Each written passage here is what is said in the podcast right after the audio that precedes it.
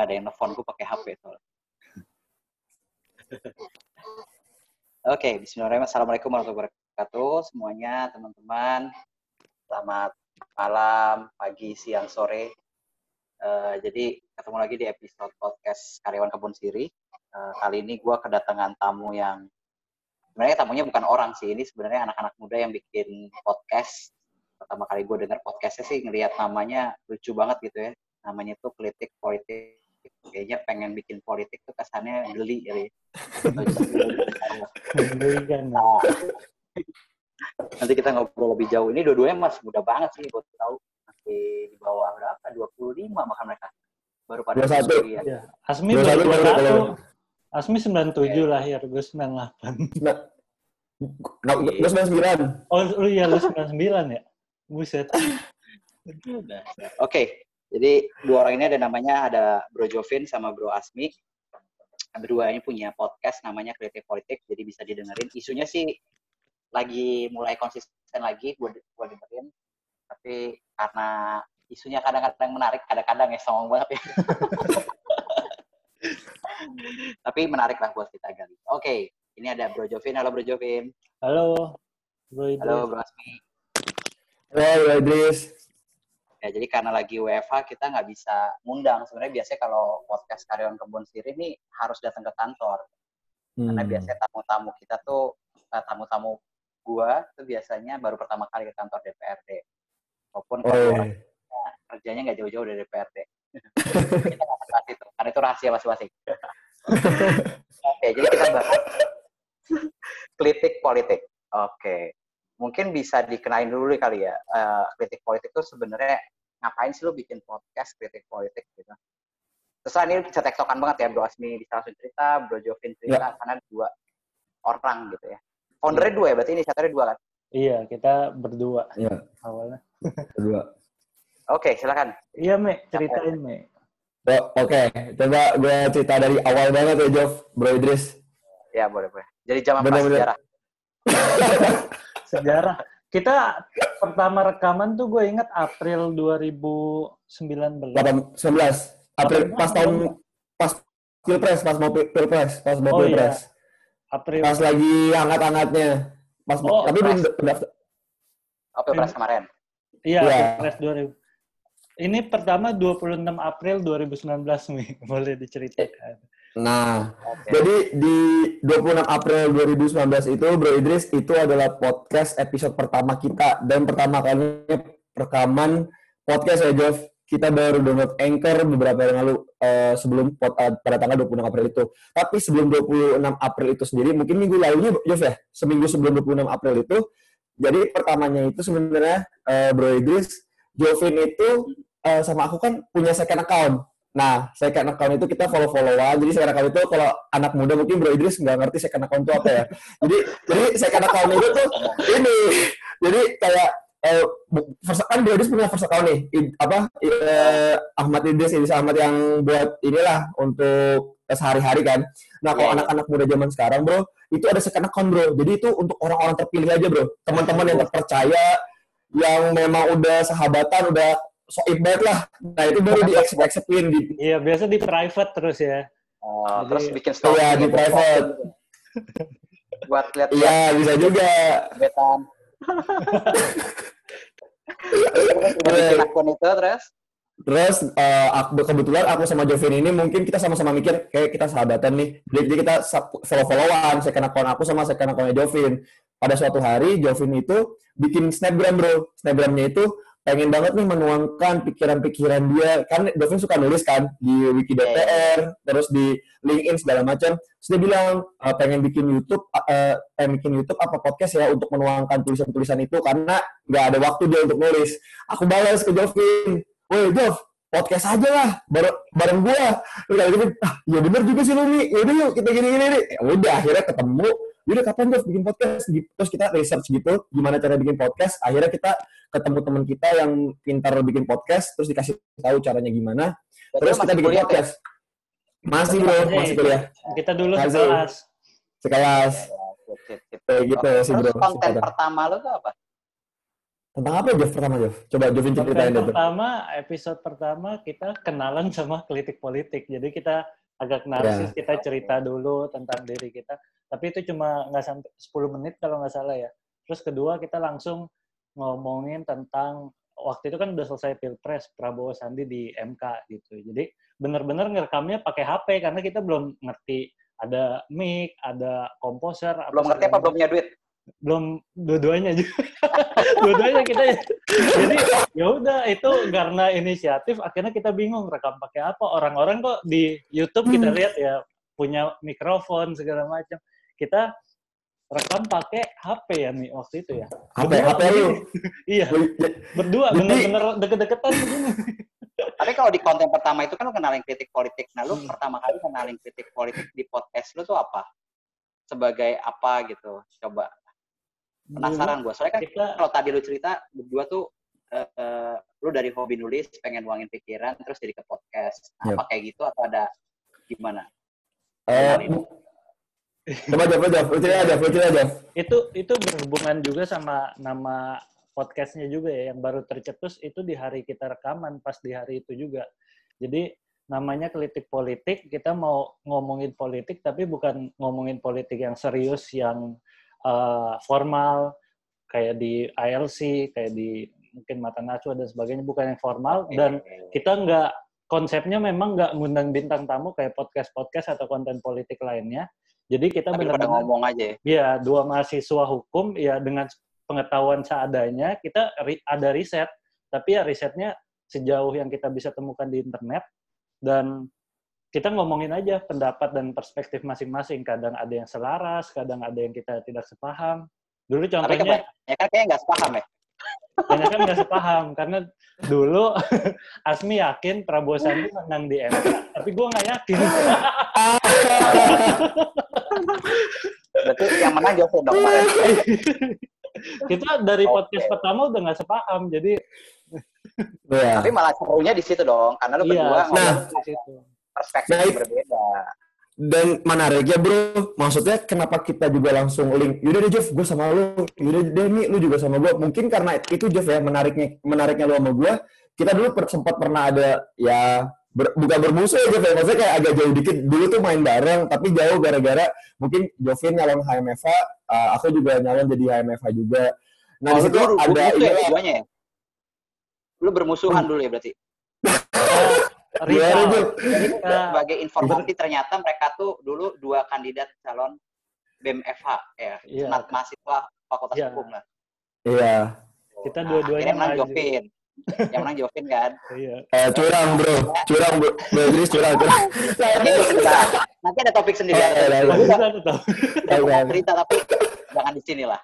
Kayak gitu. Oke oke. Nah, Siap bro tadi kan berarti lu ada ada pengen ngasih perspektif tentang politik. Nah, pertanyaan gue adalah tadi kan konten perkenalan, tapi konten lu konten perspektif pertama lu berarti masalah sidang MK presiden itu. Iya, masalah yep. sidang MK yang waktu itu jadi kita emang nyari topik yang kemungkinan ada pro kontranya dan ada kayak akan perspektif gitu. Jadi bukan sesuatu yep. yang plek-plekan oh udah kayak gitu adanya gitu. Jadi kita nyari sesuatu yang emang bisa didiskusiin walaupun kita bikin diskusinya memang uh, seakan-akan kita lagi nongkrong di warung kopi gitu karena memang itu konsepnya ya, ya, ya, ya. gitu. Oke, tapi topik pertamanya tuh di MK itu kalau bisa coba deh pandangan lu apa? Uh, Jovin kan katanya berbeda nih sama Bro Asmi. Bro Asmi uh, waktu yep. itu memandang apa? Terus Bro Jovin memandang apa? Perspektifnya tuh gimana dulu waktu itu? Argumennya apa dulu? Mau Bro Asmi dulu atau Bro, Bro, Bro Asmi dulu. Ya, argumen tuh gimana? Kalau yakin waktu itu uh, Sandi Prabowo Sandi menang di MK itu deh. Kan kita eh. biar tahu juga nih sebenarnya. Ada sekaligus ya. teaser buat dengerin nanti.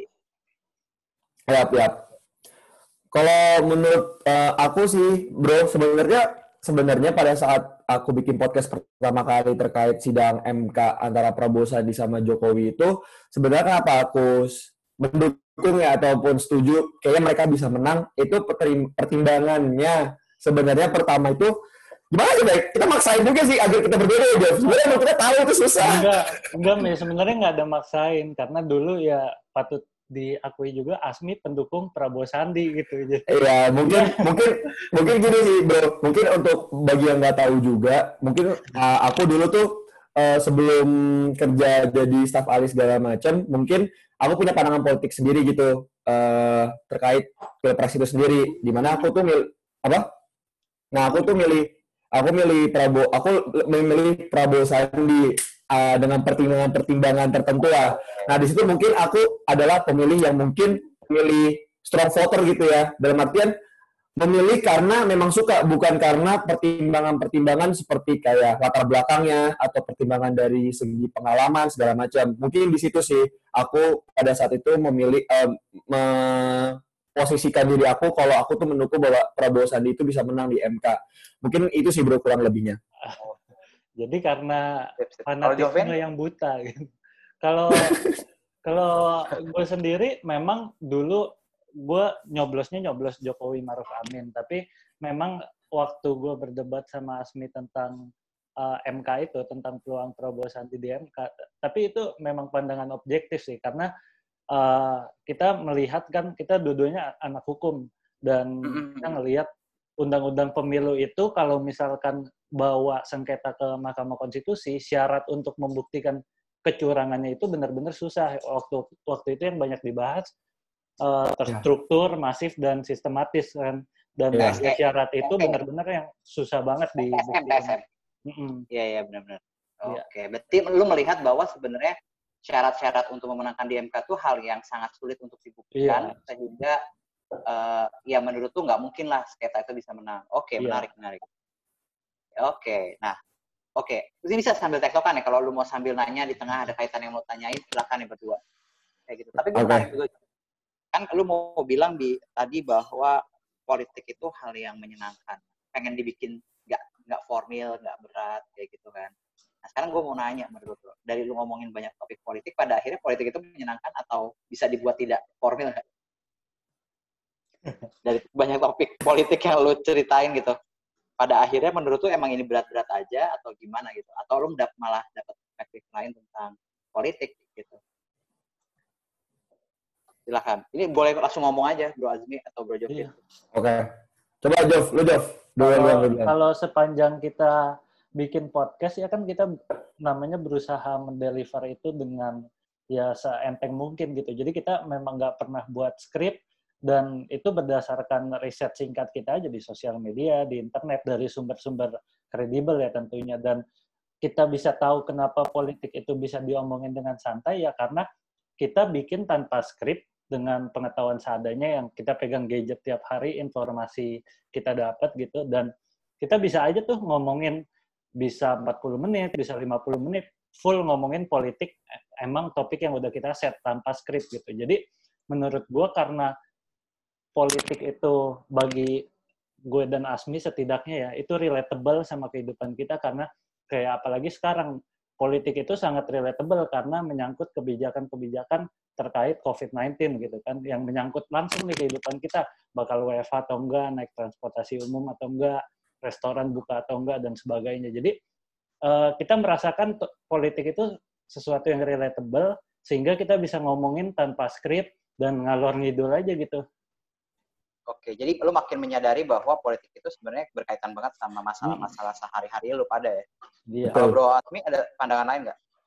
Nah, menurut gue, gue kurang lebih sama si Bro Idris sama kayak Bro Jovin. Tapi yang gue, gue apa, yang tadi Jovin bilang, kita setiap kali ngomongin tentang isu-isu kebijakan publik atau kebijakan pemerintah yang dikeluarkan itu, itu kan sebelumnya sebelumnya dengan politik kan, gimana mereka hmm. merumuskan suatu kebijakan itu kan untuk kita semua.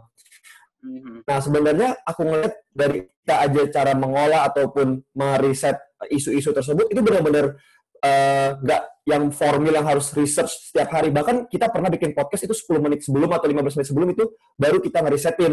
Dan kita akhirnya delivernya juga ada aja ide-ide kita, solusi-solusi kita. Walaupun kita tahu itu mungkin apakah bisa terakomodasi, apa terakomodir oleh pemerintah atau enggak. Tapi setidaknya kita bisa punya pandangan gitu dengan uh, melihat suatu isu politik itu uh, secara mudah kalau menurut aku sih. Cuman mungkin kalau menurut aku politik itu itu kaku karena banyak intriknya di sana.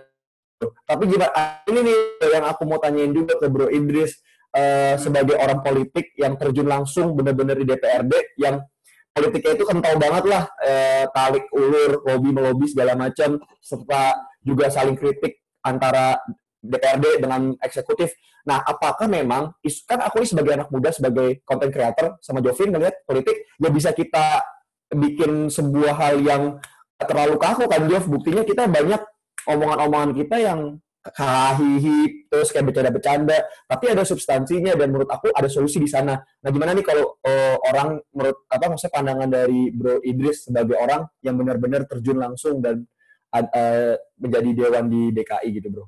Jadi kalau pertanyaannya buat gue juga sendiri sebenarnya kata kuncinya tadi tadi yang lu udah singgung berdua sih bahwa sebenarnya politik itu harus dimaknai bahwa itu ada hal-hal yang berkaitan dengan sehari-hari kita kayak gitu jadi itu kata kuncinya. Jadi kenapa itu terlihat berat?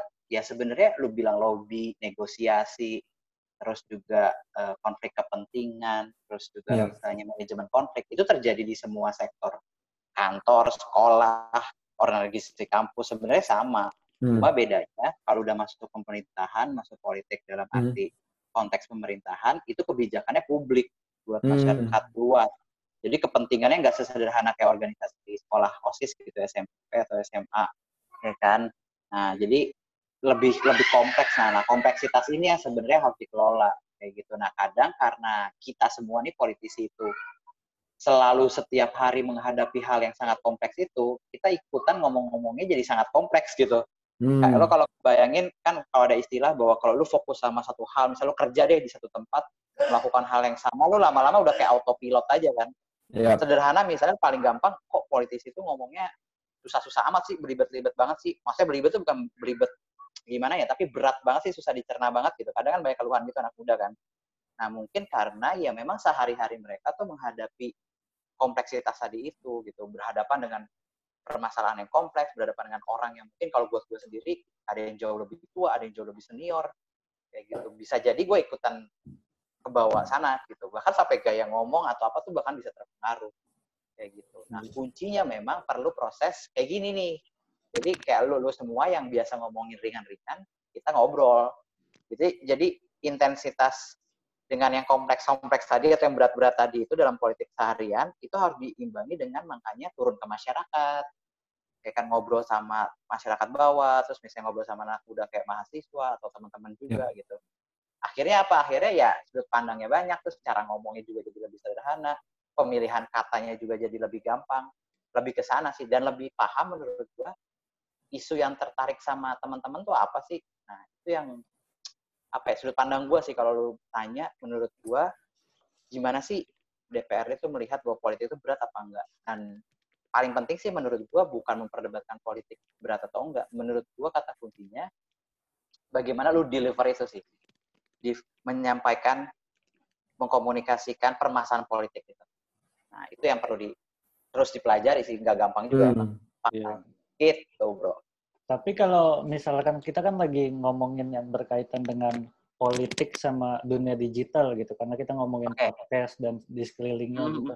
Tapi uh, seba lu sebagai politisi baru gitu yang masih muda dan bersamaan dengan 2019 itu kan rame di sosmed kan akhirnya dibandingkan hmm. uh, tahun-tahun sebelumnya kita belum pernah merasakan pemilu yang sedemikian uh, sosmed itu sangat berpengaruh gitu. Dunia digital dalam pengalaman politik lu itu sebenarnya seberapa signifikan sih dan seberapa lu memperhatikan uh, apa apa yang bergulir di dunia digital. Kadang kan ada orang politisi ya udah dia udah duduk di bangku pengambil keputusan gitu, dia nggak peduli lagi sama apa yang dikatakan orang-orang ter, ter, apa dan termasuk di sosial media nih. Tapi ada politisi yang sangat peduli citranya di sosial media. Itu terlihat tuh gapnya. Politisi muda hmm. biasa lebih memperhatikan branding dia di sosial media, tapi ada politisi hmm. yang bahkan nggak punya sosmed sama sekali gitu, karena mungkin hmm. menurut dia yep. uh, opini di sosmed itu yang setiap orang bisa ngomong itu nggak terlalu meter buat dia. Yang paling penting dia punya suara di masyarakat, punya grassroots, dia bisa terpilih gitu. Oke, Uh, jadi pertama balik lagi gitu lo kalau ngomongin hmm, politik gitu ya atau ngomongin gua sebagai anggota DPRD sederhananya apa sih tujuan kita sebagai anggota DPRD kan pasti melakukan perubahan itu bahasa sangat normatif gitu ya melakukan perubahan, terus juga melalui kebijakan publik, memberi manfaat dan masyarakat. Nah, tapi untuk melalui proses itu kan sebenarnya election, pemilihan. Ya kan? Nah, balik lagi, kalau tujuannya election, kita sistem electionnya apa? One man, one vote. Oke, ketika udah ngomongin kayak gitu, artinya ada pasar, ada market. Ya kan? Nah, balik lagi, kalau misalnya gua masuk ke market yang mungkin bukan marketnya gua, ya sama kayak barang jualan, gua nggak akan laku Nah, alasan sederhana kenapa masuk sosial media atau masuk medium apa pun gitu ya, pasti tujuannya adalah mencapai market itu. Kayak gitu. Jadi jembatan market itu. Nah, kalau gue pribadi sebenarnya bikin podcast itu buat bikin atau menjelaskan sosial media tuh ada dua hal. Satu adalah gue pengen ada edukasi politik gitu ya. Jadi edukasi politik itu bukan gue jelasin tentang teori politik, bukan. Tapi orang tahu kerjaan gue sebagai anggota dewan aja, buat gue tuh udah edukasi penting banget dan jarang dilakuin kayak gitu nggak banyak anak muda yang tahu kalau anggota dewan itu ngapain bahkan tamu yang pernah gue undang mereka baru pertama kali ke kantor DPRD hmm. terus kedua misalnya adalah tujuan gue eh nomor dua tujuannya adalah untuk uh, edukasi sama uh, apa namanya uh, amplifikasi atau eh sorry untuk pertanggungjawaban kinerja. Hmm. jadi dengan gue main sosial media tuh salah satu tujuan gue adalah orang tahu gue ngapain sih. Karena banyak keluhan waktu gue turun ke masyarakat atau lagi ngobrol pada kelas kayak teman-teman semua pada nanya emang lu kerjanya ngapain sih? Kayak gitu. Nah itu yang nggak ada. Bayangkan uh, lu nggak tahu kerjaan anggota dewan apa lu bahkan nggak tahu mereka tugasnya ngapain atau seharian ngapain. Jadi kayak ya menurut gue jadi nggak bertanggung jawab aja kinerja gue padahal gue dipilih sama lu semua gitu Yeah. Nah itu sih dua hal yang membuat gue jadiin kenapa kalau gue pribadi ya jadiin jadiin podcast atau jadiin sosial media.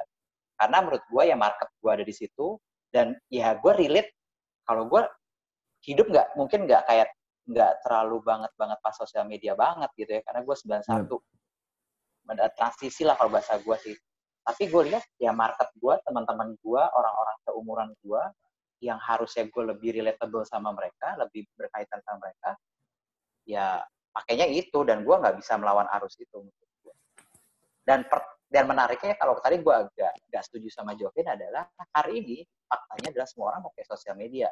Tapi yang jadi masalah hari ini menurut gue bagaimana mereka menggunakan sosial media. Jadi kayak misalnya ya baik lagi orang mungkin bisa bikin uh, Instagram tapi cara memaknai cara bikin kontennya kan akan beda-beda balik ke tujuan mereka buat apa tapi hari ini gue lihat semua politisi hampir, ya kalau di Jakarta udah hampir 100% kali. Hampir semua. Buat, hampir semua. Udah punya sosial media. Tapi baik lagi kata kuncinya. Bagaimana mereka memanfaatkan sosial media itu pasti beda-beda perspektifnya. Gitu. Itu sih memang seru banget sih. Jadi digital, terus transformasi sosial media dalam dunia politik. Gitu. Tapi harapannya sih kalau dari teman-teman tadi ya kita bisa jadi lebih mendeliver atau mengkomunikasikan itu lebih ringan aja sih sama kehidupan sehari-hari. Gitu. Terus sih ya sebenarnya teman-teman juga bikin kreatif politik, gue pikir tuh gue tuh selalu menarik sih, selalu senang sama anak-anak muda yang mau ngomongin politik. Gitu. Karena yeah. itu tuh gak, gak jar, sebenarnya itu sehari-hari banget kayak lu ngomongin sebenarnya kan kita sering bahkan gue dulu punya pertemanan gitu ya gue nggak tahu masih ada nggak sih gue cerita misalnya bola pertandingan bola oh tiba-tiba akhirnya ngomonginnya apa? Ngomonginnya konspirasi politik FIFA kayak gitu. Itu zaman hmm. dulu banget tuh. Itu masih kok bro. Masih ya? Masih kayak gitu-gitu masih banyak, masih ada. itu kan sebenarnya hal yang berkaitan. Terus ya banyak banget hari ini. Apalagi sekarang pemerintah pun dituntut untuk terbuka. Jadi orang mulai banyak tahu pemerintah kita sendiri ngapain gitu. Kayak, oh pemerintah kan mulai aware banget sosial medianya bagus-bagus sekarang. Oh punya program, program-program misalnya bantuan, program-program perpustakaan, program-program seminar, mereka tuh publikasi semua. Jadi orang bisa menilai, ah ini kok programnya gini doang sih. Gitu. Itu sih, keren-keren. Terus, nah, oke. Okay. Menurut tuh konten yang paling, dari semua, lo bikin konten gue nggak tahu ya berapa, hampir lebih dari 15 kali, ya, udah lebih ya. 14 terakhir. 14. 14. 14 ya. Yeah. Dari 14 konten itu yang paling punya penerimaan paling baik menurut lo apa? Mungkin bisa beda. Ya kan? Oke, okay, kalimatnya nggak gitu. Menurut lo konten yang paling lu rasa bisa dari lu sendiri bisa mencapai tujuan kritik politik itu yang mana? Gak harus sama ya. Malah gue pengennya bertentangan nih, biar kejadian MK berulang lagi. menurut lu yang mana? Kalau menurut aku bro, ngelihat dari uh, tren sendiri ya, dari pendengar, uh, dari sisi apa media apa podcast coverage kita, itu sebenarnya ramainya itu pada saat pilpres kemarin bro. Oh. Itu bener-bener bener-bener kita nggak pakai uh, mungkin uh, promote kita itu nggak terlalu yang besar-besaran hanya sebatas antar teman aja teman aku teman Jovin. Tolong dong minta tolong minta tolong hanya sebatas itu. Tapi pendengarnya itu bisa sampai hampir seribu bro. Bahkan pernah seribu lebih ada ya Jovin topiknya tentang yang yang seringnya topik yang paling terbanyak kita itu adalah tentang prediksi uh, presiden tahun 2024 nanti capres nah, 2024 politik tahun 2024 politik. jadi uh, ternyata dibanding yang kita ngomongin tentang Prabowo di MK, terus uh, kita sempat ngomongin juga tentang prakerja ya kemarin, terus tentang rusuh 22 yeah. Mei waktu itu. Aksi demo. Iya, aksi yeah, demo betul. di Bawaslu. Itu yang paling rame tentang prediksi 2024. Tapi menurut gue itu 24. bukan uh, sebuah omongan yang paling banyak isinya, maksudnya substansinya tebel gitu itu lebih ke yeah, iya, kayak yeah, yeah. Uh, spekulasi yeah. kita ngelihat oh pergerakan ini dan yeah. itu dari pandangan awam kita kan bukan orang yang analisis kekuatan Betul. politik pakai survei dan sebagainya kita ngalor ngidul aja kira-kira Mahfud MD bisa duduk di bangku presiden nggak ya tahun 2024 gitu tapi waktu oh. itu mappingnya tepat nggak mappingnya tepat nggak kita Hasil. belum tepat nggak ya kita belum belum lihat sih karena itu kan untuk 2024 dan oh, kita jadi cuma mendeskripsi yeah. aja gitu ya. Yeah. Menurut lo tuh kayak gimana? Kayak gimana? Uh, Jadi dari, agak campur antara teori dan sotoyan gitu. Iya, sotoyan. Yeah. Jadi kita ngelihat aja kayak orang awam, oh ngelihat uh, ini manuver ke sini, ini manuver ke sini. Oh Ridwan Kamil yeah. jadi gubernur menang. Terus dia kerjanya bagus. Kayaknya 2024 diperhitungkan. Kalau yeah. Asmi ngefans sama Sandi bilang, oh 2024 Sandi pasti jadi presiden gitu. Jadi kita ngomongin hal-hal yang kayak gitu, tapi emang dari tapi, dari tapi itu kan diobrolin nih. kalau kita lagi kayak ngumpul ya nggak sih? Lu kalau zaman SMA tuh ngumpul gitu misalnya atau hmm. lagi nongkrong kayak gitu. Pasti ngobrolinnya gitu nggak sih? Sosok iya pasti ngobrolin gitu. Dan bro Idris menariknya menariknya eh, rata-rata uh, temen setelah pokoknya teman aku juga punya ada di kuliah itu kan ada teman geng sama Jovin ada juga geng lain gitu kan banyak circle circle yeah. lain kan. Itu pembahasannya rata-rata karena kita anak hukum mungkin jadi berkaitan banget sama politik. Dan bahasnya itu bukan tentang isu atau kebijakan politik ya bro. Tapi eh itu oh. si apa misalnya si Ketua Surya Paloh iya Surya Paloh itu kayaknya bisa kegeser deh. Kayak gitu-gitu lah bro. Jadi kayak ngomongin ketua iya, umum iya, lah iya. tentang tentang menteri-menteri lah. Eh, itu gila tuh menteri tuh. Kayaknya dia bakal nyana kayak jadi ini kayak gitu-gitu bro. Ya, dan emang yang kita bawa di topik-topik uh, ngobrol itu Eh, sesuatu yang pasti pernah kita omongin di tongkrongan gitu waktu kita banget, banget. Gua, iya, bener banget bener. Iya itu bener, bener banget karena dan waktu itu uh, bener-bener banget maksud gue karena kalau gue juga zaman dulu kita SMA bahkan gue dari SMA tuh kadang ngomong gitu. Hmm. Ini ada ini nih gitu. jadi ngomongnya kayak petak kekuasaan gitu kan. Iya benar benar benar sebenarnya kayak nganggepnya kayak kayak main game juga sebenarnya kan. Iya iya benar ini jagoannya siapa jagoannya siapa. Iya ntar tiba-tiba ada yang soteng ngeluarin teori konspirasi lagi iya. kan. Oh. iya bilang, di sebenarnya ya, semua di, udah setting gitu ya. Iya kalau dipikir-pikir gak ada gak ada ujungnya tuh obrolan sebenarnya kan. Hmm, iya, betul, ada kesimpulan ya. Cuma analisis aja gitu ya Ya, yeah, menarik. Dan ya terbukti benar. yang paling banyak didengar episode itu. Kita, kita sampai agak bingung juga karena kita kan nggak ekspektasi episode yang waktu itu mungkin kita lagi kehabisan topik omongan yang substansial yeah. karena topiknya ya muter-muter di Pilpres 2019 aja karena iya, orang-orang yeah, yeah, lagi ngomongin itu akhirnya kita ngomongin lah spekulasi 2024 gitu. Oke oke oke benar-benar menarik menarik insight yang sangat menarik karena sebenarnya itu banget. Gue jadi nggak saya gue jadi kenapa tadi gue langsung nyambung tuh karena ya itu sih flashback ya bro? apa? Kenapa? Jadi flashback ya bro? Jadi flashback omongan-omongan iya. uh, SMA atau kuliah gitu ya bro? Iya kita lagi misalnya lagi makan gitu makan. Ngobrolnya pertama ke mana-mana terus tiba-tiba ke situ lagi ke situ lagi ke situ lagi. Iya, iya benar gitu, itu kan. kita rasain banget sih waktu kuliah dan nongkrong-nongkrong ya Iya. Bahkan waktu itu kalau nggak salah kita pernah lagi nongkrong terus oh gue sama Asmi mau buat uh, podcast nih. Akhirnya kita ke kamar kosan gue rame-rame kita berdua podcastan yang lain nontonin di belakang pernah. Jadi benar-benar kita habis nongkrong, oh masih anget nih, masih anget. Ya udah kita bikin di podcast.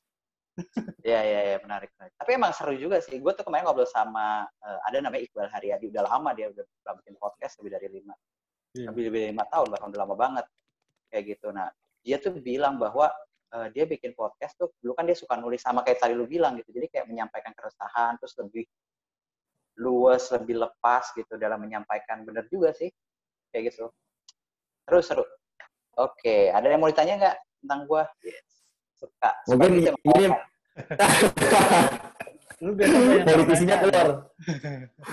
Politisinya keluar ya politisinya. Harus diwawancara. Bukan harus diwawancara, emang isinya harus berdua. Gitu. Ya boleh lah. Kalau udah ada. Gitu.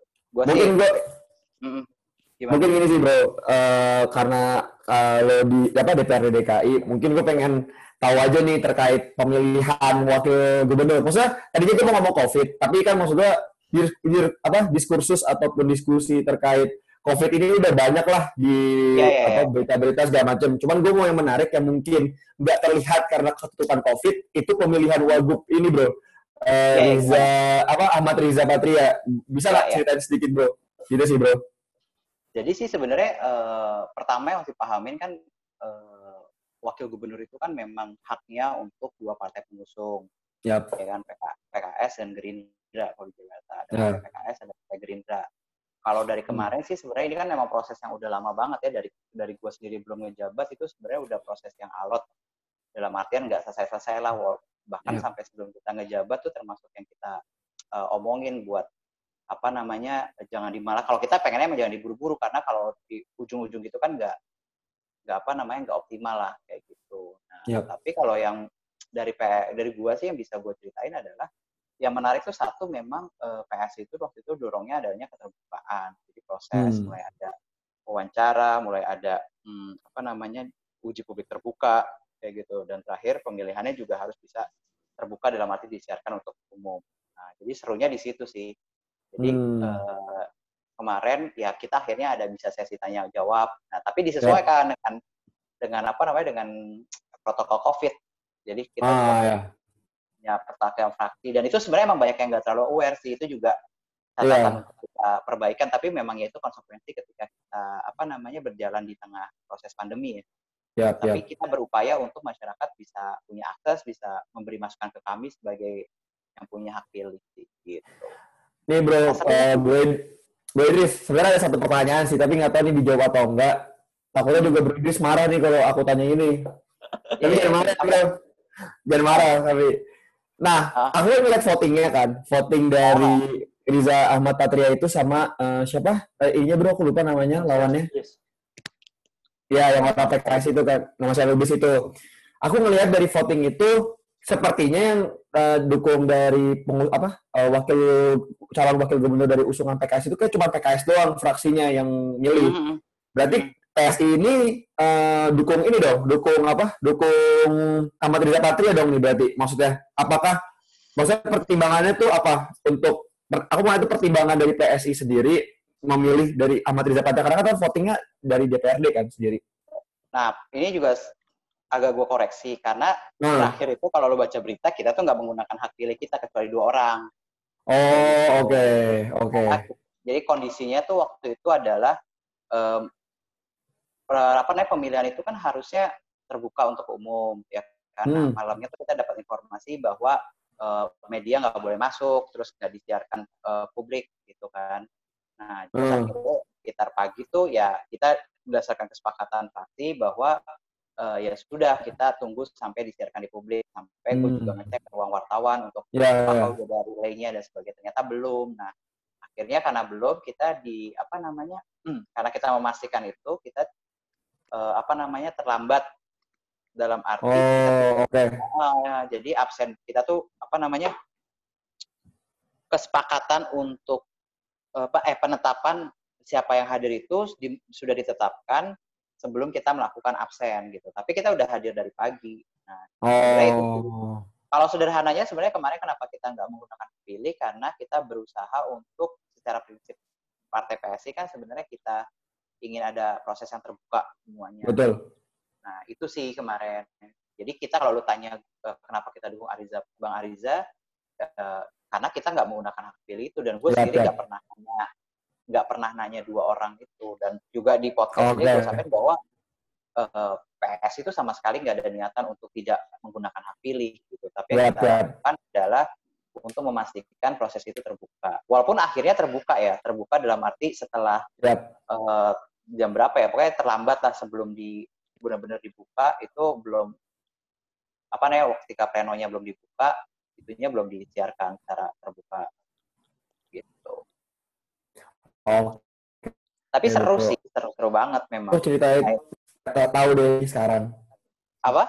Iya, banyak yang nggak tahu ya cerita tentang. Banyak yang nggak tahu cerita itu, banyak yang nggak tahu bro. Mungkin karena ini ya, mungkin kurang terblow up gitu bro terkait yang apa notes kecil itu yang PSI itu nggak bisa menggunakan hak pilihnya yang terlambat itu bro. Maksudnya ngeliatnya kan kalau lihatnya voting ini uh, Ahmad Patria segini, ini segini, menang, telak kayak gitu. Berarti kan kayak pola pikir aku sebagai orang awam secara bawah sadar tuh, oh berarti emang fraksi PKS doang nih yang dukung calonnya, sisanya dukung Ahmad Riza Patria. Tapi ternyata kan tadi dijelasin Bro Idris apa uh, bahwa PSI nggak belum menggunakan tidak hak pilihnya gitu. Tidak menggunakan hak pilih. Ya, siap ya gitu sih tapi ini juga uh, ya biar diluruskan bahwa sebenarnya sekali lagi bahwa tidak ada niatan untuk tidak menggunakan hak pilih tapi yang kita yep, coba yep. dorong adalah proses yang terbuka karena betul, betul. kalau teman-teman lihat di berbagai media uh, ada yang bisa menangkapnya framingnya adalah kita terlambat ada yang bisa kita apa namanya tidak menggunakan hak pilih atau bahkan direncanakan tapi gue sebagai ketua fraksi dan teman-teman juga bisa cek nanti ngobrol itu memang kita tidak pernah tidak, merencanakan untuk tidak hadir gitu. Oh, oke. Okay. Nah, ya, jadi itu. kalau berhubungan dengan tadi kan sempat lo bilang framingnya di media ada yang bilang terlambat, ada yang bilang uh, sengaja nggak pakai hak pilih dan sebagainya. Berkaitan juga sama omongan kita di awal-awal tadi, sebenarnya hmm. uh, dengan kebebasan dan cepatnya arus informasi di media ini termasuk sosmed, uh, jadi toxic nggak sih istilahnya terlalu banyak ekses gitu. Jadi lo sendiri sebagai politisi sekarang berpolitik apa-apa ada buzzer gitu, ada media yang framingnya seakan-akan cuma untuk clickbait dan sebagainya. Kadang itu kan bawa dampak politik yang sebelumnya sebenarnya lu nggak terlalu perkirakan tiba-tiba media ada ngomong apa, tiba-tiba buzzer di sosmed itu ngeramein apa, karena framingnya kan dulu gue sempat lihat juga di sosmed saat uh, pes ini di framing sama media main media online itu telat lalu di di Twitter mulai deh buzzer-buzzernya banyak yang uh, ya. sangkut pautin sama dulu PSI ngomong tentang keterlambatan rapat dan sebagainya. Itu hmm, jadinya uh, karena ada sosial media kebebasan semua orang ngeposting apa aja akhirnya ada orang-orang yang nggak bertanggung jawab. Uh, dia semakin membesar-besarkan berita yang sebenarnya nggak bisa dibilang nggak benar, nggak sesuai realitanya dan sebagainya. Itu jadi hmm. ekses tersendiri nggak sih yang merugikan lu sebagai politisi gitu atau secara partai politik? Gitu? Oke, ya sebenarnya bukan merugikan atau tidak merugikan ya. Pertama, kalau dari sisi kita sendiri sebagai politisi, kami sebagai politisi, itu yang harus disadari bahwa apa yang kita omongin itu sebenarnya sama lah sama kita kalau belajar teori komunikasi kan apa namanya lu tuh nyampein pesan belum tentu penerima pesannya tuh sampai sama kayak apa yang lu maksud gitu. Biasanya ada noise, ada reduksi, ada apa gitu ya.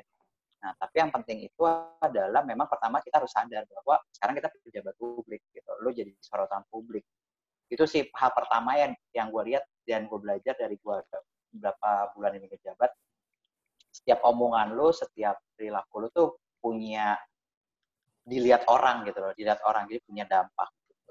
Itu satu. Kedua adalah kalau lo pertanyaannya adalah e, berekses negatif sama kita, ya balik lagi pada poin pertama gitu. Gimana lo menyikapinya? Karena lo harus sadar, jangan sampai lo sembarangan. Kalau lo sembarangan, ya lo bisa di negatif gitu. Tapi memang kadang ada beberapa poin yang menurut gua e, apa ya penting untuk dipahami di tengah kondisi kondisi literasi kita yang masih belum cukup baik ya gitu. Kadang orang menerima informasi kan kayak berita tuh cuma dari judulnya. Banyak banget kan berita yang judulnya apa, ternyata isinya tuh apa kayak gitu. Nah, terus menarik kayak podcast dan sosial media tuh untuk uh, bahkan untuk sam, uh, sampai setiap anggota dewan tuh punya nomor telepon. Kenapa? Karena hmm. akhirnya masyarakat tuh punya ruang untuk mengkonfirmasi kayak gitu. Jadi kan salah satu strategi untuk bagaimana kita melawan hoax itu kan konfirmasi kan.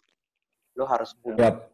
punya apa namanya punya penasa punya kritis punya level apa punya pemikiran yang skeptis ya bahasa skeptis untuk uh, lu nanya mengkonfirmasi gitu. Nah itu sih yang gue pikirin. Tapi ini tuh satu hal yang buat gue sebagai politisi muda tuh perlu belajar banyak sih. Komunikasi politik tuh nggak gampang. Sebenarnya sama kayak uh, eh, gue sendiri, mungkin kayak ngomong sama lu nih semua harus nyari katanya nih yang enak apa sih gitu. Makanya salah satu yeah. manfaat dari podcast ini tuh gue ketemu ya bro. Iya bener banget. Karena gue ketemu banyak orang ya kan. Walaupun gue di masyarakat ketemu banyak orang juga gitu. Tapi beda-beda kan levelnya. Nah di podcast ini kan juga beda-beda. Makanya gue senangnya belajar dengan podcast ini juga sempat belajar juga sih. Karena ngomong ke lu nih berdua topiknya enaknya eh maksudnya bahasanya enaknya gimana gitu. Yeah. termasuk kita berekspektasi pendengar lu kayak apa gitu kan.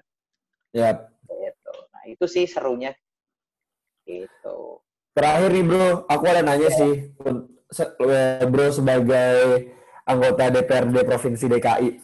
Hmm, Jadi boleh, kan boleh. ada rancangan uh, undang-undang pemilu kan yang tahun 2020 yang katanya pemilu apa anggota DPRD lo, lokal dan artian kota atau provinsi itu 2022. batas uh, ininya iya 2022. Nah, itu gimana nih uh, tanggapan dari Bro Idris sebagai anggota DPRD uh, DKI gitu, Bro? Pengen tahu aja. Oke, okay, kalau dari gue sendiri sih sampai hari ini sebenarnya yang jadi masalah tuh yang sangat jadi masalah adalah ketidakpastiannya itu pertama. Ya, Jadi betul. ini kan proses pembahasan ini benar-benar di tengah yang kita juga nggak tahu kapan pembahasannya. Proses proses ya. pembahasan di tengah pandemi yang ya tiba-tiba ya. mungkin bisa disahkan gitu kayak kemarin berapa RUU kan kayak gitu kan. Iya betul. Iya betul bro. Yang paling meresahkan buat gue pribadi sih adalah uh, ketidakpastiannya ini sih gitu. Nah terus kedua kalau ditanya milih 2022 atau 2024 sebenarnya uh, kalau dari sisi gue sih lebih baik 2024. Ini pribadi ya, jawaban pribadi tidak melau tidak merepresentasikan partai institusi tapi pribadi gue kayak gitu uh, kenapa gue 2024 karena uh, satu punya waktu untuk benar-benar kita bekerja untuk masyarakat. Gitu. Karena kenapa? Karena ya perlu proses panjang juga. Ini menurut gue ya sekali lagi. Kayak gitu. Hmm. jadi 2024 menurut gue kita punya waktu untuk ngasih advokasi untuk bikin memperjuangkan anggaran apa yang kita perjuangkan. Untuk membuktikan lah ya apa yang ah, lo janjiin di 2019 gitu. Karena kalau misalkan secepat itu lo nggak punya modal lagi untuk meyakinkan orang bahwa lo iya, karena modal gue cuma itu Vin iya. Iya, karena iya. modal iya. gue cuma itu kalau duit gue nggak punya itu sih kalau concern gue lebih ke sana tapi sejujurnya gue juga uh, di internal DPR ini kita lagi mengkaji juga sih mana yang terbaik hmm. gitu tapi tapi bro Bro, untuk melanjutkan, maksudnya ini kita sebagai biar flashback juga nih, kayak zaman-zaman dulu dan zaman-zaman aku kuliah juga, cek lah kuliah, mau baru lulus. ya, maksudnya kan biasanya kan kalau di tongkrongan-tongkrongan gitu kan kita konspirasi-konspirasi nih. Menurut gue ah. Idris nih, nah aku pengen me, apa mempertanya apa memberikan pertanyaan dengan pertanyaan konspirasi ala-ala anak kuliah atau SMA nih bro, bro Idris. Iya, iya, iya. Nah ini nih kenapa kenapa bisa anggota DPR RI yang terhormat kita ini merancang suatu undang-undang itu bahwa pemilu lokal itu dilakukan tahun 2022 sementara mereka 2024 tetap? Nah ini apakah ada tujuan tersendiri atau ada maksud tersendiri gitu dari beberapa kelompok atau beberapa pihak? Gimana bro? Coba ini kita konspirasi aja kita kan biasa aja apa kepentingan petanya bagaimana gitu ya iya petanya ini gimana peta kekuasaan ini mau diarah ke mana ini maksudnya nih menurut kalau menurut gua sih ini bukan peta kekuasaan sih sebenarnya uh, perlu hmm. perlu dilihat ada dampak negatifnya juga buat si DPRD ini sih okay. yang sekarang menjabat gitu. Gue ngelihatnya ada faktor uh, dampak negatif yang belum dipikirkan matang-matang dalam perspektif DPRD. Ya kan kalau DPRD kan secara peraturan juga kan ada perbedaan signifikan. Kita ini kan pemerintahan yeah. daerah. Ya kan pemerintahan daerah terus juga kita juga baru pemilu 2019, terus juga ada konteks bagaimana kita lagi menghadapi pandemi. Gitu. Kalau gue sih lebih concern bahwa yang gue rasakan kalau pemilu 2022 itu kita nggak punya ruang untuk bekerja sih. Hmm. Ruang bekerja untuk membuktikan lebih banyak kepada masyarakat, bekerja lebih banyak gitu. Yeah. Nah, tapi ya lebih ke situ. Soalnya kalau teori konspirasinya menurut gue, jujur gue juga jarang belum terlalu banyak ngobrol sama teman-teman DPR RI ya. Karena gue yeah, yeah. gue juga agak disclaimer nih ya kan, nggak bisa juga gue tiba-tiba nembak gimana. Beda nih gue obrolan kampusnya sekarang gue punya jabatan. Iya. berarti nggak bisa nggak bisa dimasuk nggak bisa kita masukin ya berarti ini. Kalau kalau pejabat sama obrolan tongkrongan udah berubah emang. Emang nggak yeah. bisa. Itu itu ada. Eh, nggak bisa itu. Iya, iya. Tapi kalau menurut gue pertanyaan lo, pertanyaan lo menarik. Pertanyaan lo menarik buat dikulik. Sebenarnya lo kalau bisa ngulik uh, isu ini itu tuh jadi perspektif ya hubungan antara DPR RI sama DPRD. Ya, ya. kan? Ini kan jadi aneh kan sebenarnya kalau kita lihat bahwa kok kayaknya nggak sejalan nih. Ya kan DPR RI ya. sama DPRD tujuannya apa? Apakah memang lebih kepada tata kelola, perbaikan tata kelola gitu, hanya sekedar penyerentakan kayak gitu. Itu sih gue ngelihatnya lebih nggak ada banyak manfaatnya sih 2022 buat ya, pemilu ya. lokal gitu ya. Apalagi apalagi tetangga ini pemilu yang 2020 aja yang pilkada lagi diperdebatkan. Iya, betul bro. Benar. Ya, ya, jadi bayangin aja, gila aja kalau misalnya kita sekarang lagi pandemi gini, pemilu gue juga lagi mikir, bisa nggak nih gitu. Ini panas juga nih diskusinya tuh. Padahal bro, bro Idris, bro Idris, yang kerja ya. yang kerja bikin anggota-anggota DPR kepilih juga dewan kota sama provinsinya ya, yang mati-matian nyariin mereka suara, ya nggak sih?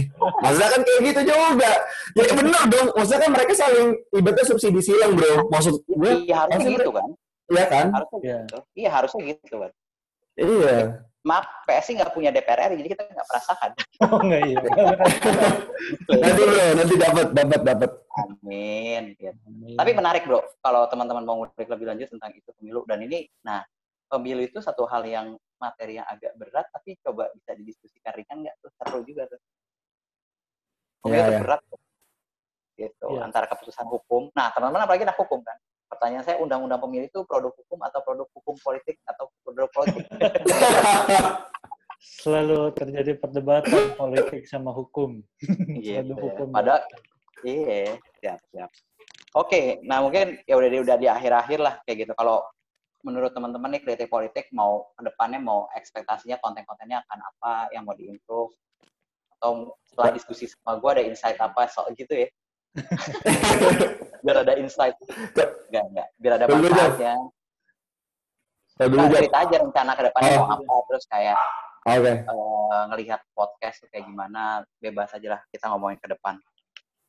Iya kalau kita sih sebenarnya uh, cuma memanfaatkan ya apa yang kita punya kita punya koneksi internet kita punya keter, dengan segala keterbatasannya alat-alat untuk bikin podcast dan ternyata memang kita disambut baik oleh para pendengar yang awalnya tadi hobi aja gitu uh, mindahin obrolan yang sebenarnya obrolan nongkrongan tapi kita pindahin ke digital gitu dan kalau ditanya mau ngapain politik politik maunya konsisten sih karena itu yang paling susah karena kan kita bukan influencer yang dapat uang dari konten-konten kita kan.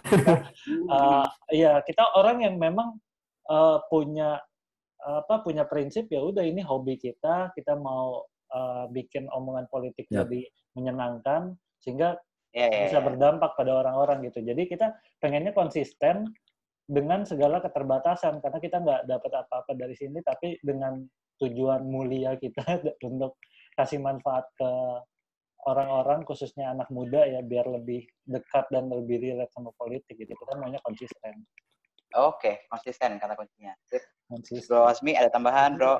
Harapannya? Kalau ini aku ini sih bro. Pertama memang sebenarnya konten kritik politik ini adalah passion aku sama Jovin yang emang mungkin suka ngomong gitu ya. Tapi Jovin suka ngomong plus jago nulis. Kalau aku suka ngomong doang. Jadi aku yang lebih getol di podcast gitu. Nah, aku sih berharap ya aku sama Jovin bisa konsisten dan memang harapan aku sama Jovin juga sebenarnya ini sebagai edukasi juga untuk teman-teman anak-anak muda seumuran aku untuk supaya mereka tahu gitu dan paham terkait uh, politik dan aku pengen banget supaya tuh ya bukannya gimana ya tapi pengen banget kita berdua ini menjadi be, apa benchmark lah untuk supaya anak-anak muda itu juga mau ikut ke politik karena itu tadi ketika politik dikuasai atau diduduki oleh orang-orang itu aja nggak akan pernah berubah bro. Jadi kita memang generasi aku inilah hmm. yang harus berkoar-koar dan bersatu gitu untuk. Tapi sebenarnya uh, uh, selain kita uh, ngajak orang-orang tuh untuk dengerin politik atau ngobrolin politik dengan santai,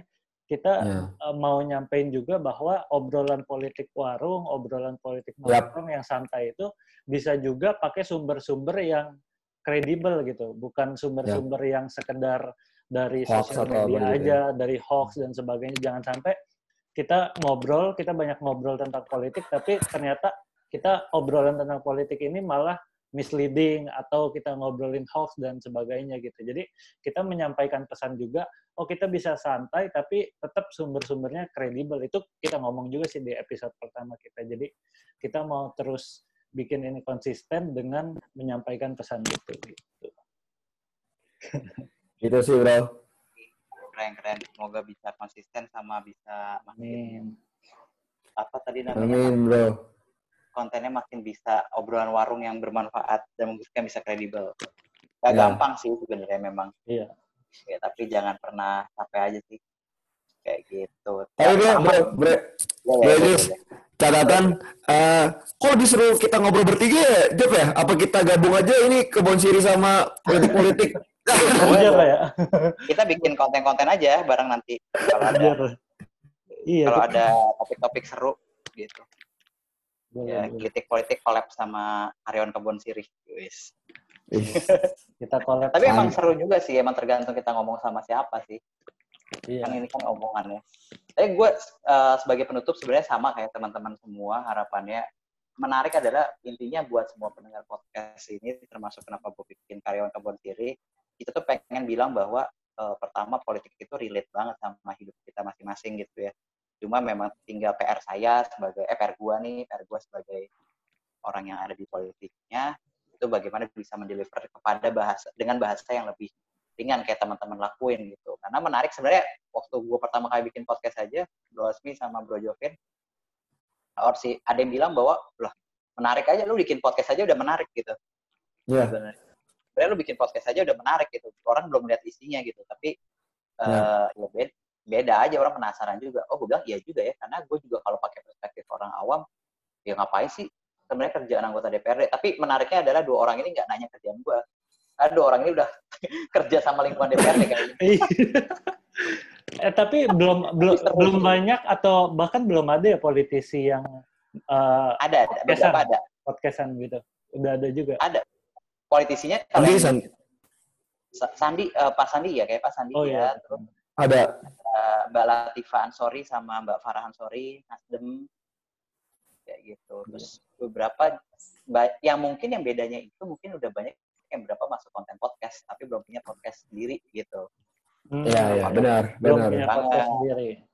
Gitu. Hmm. Padahal, nah kemarin tuh gue juga ngobrol tuh, ini agak panjang lebar, tapi intinya adalah uh, kemarin gue ngobrol sama uh, uh, beberapa podcast gitu ya, tamu, tamu beberapa tamu gue dan beberapa teman gue cerita bahwa sedangkan di US itu tuh banyak politisi itu punya podcast kayak gitu dan banyak yang dengerin hmm. politik itu tapi politiknya tuh bukan kayak asumsi gitu, bukan kayak yang berita, bukan kayak mata najwa.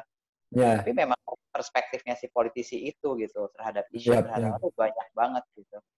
Nah, itu menarik sih untuk digali lebih lanjut. Gitu. Thank you banget semuanya. Oke, okay, thank you. Semoga bermanfaat. Kita nggak kita nggak tahu nih editnya gimana ya nanti apa yang keluar. kita edit sebisanya aja dan maaf kalau misalkan suaranya masih pecah-pecah ya. Kita masih awal Benar. banget.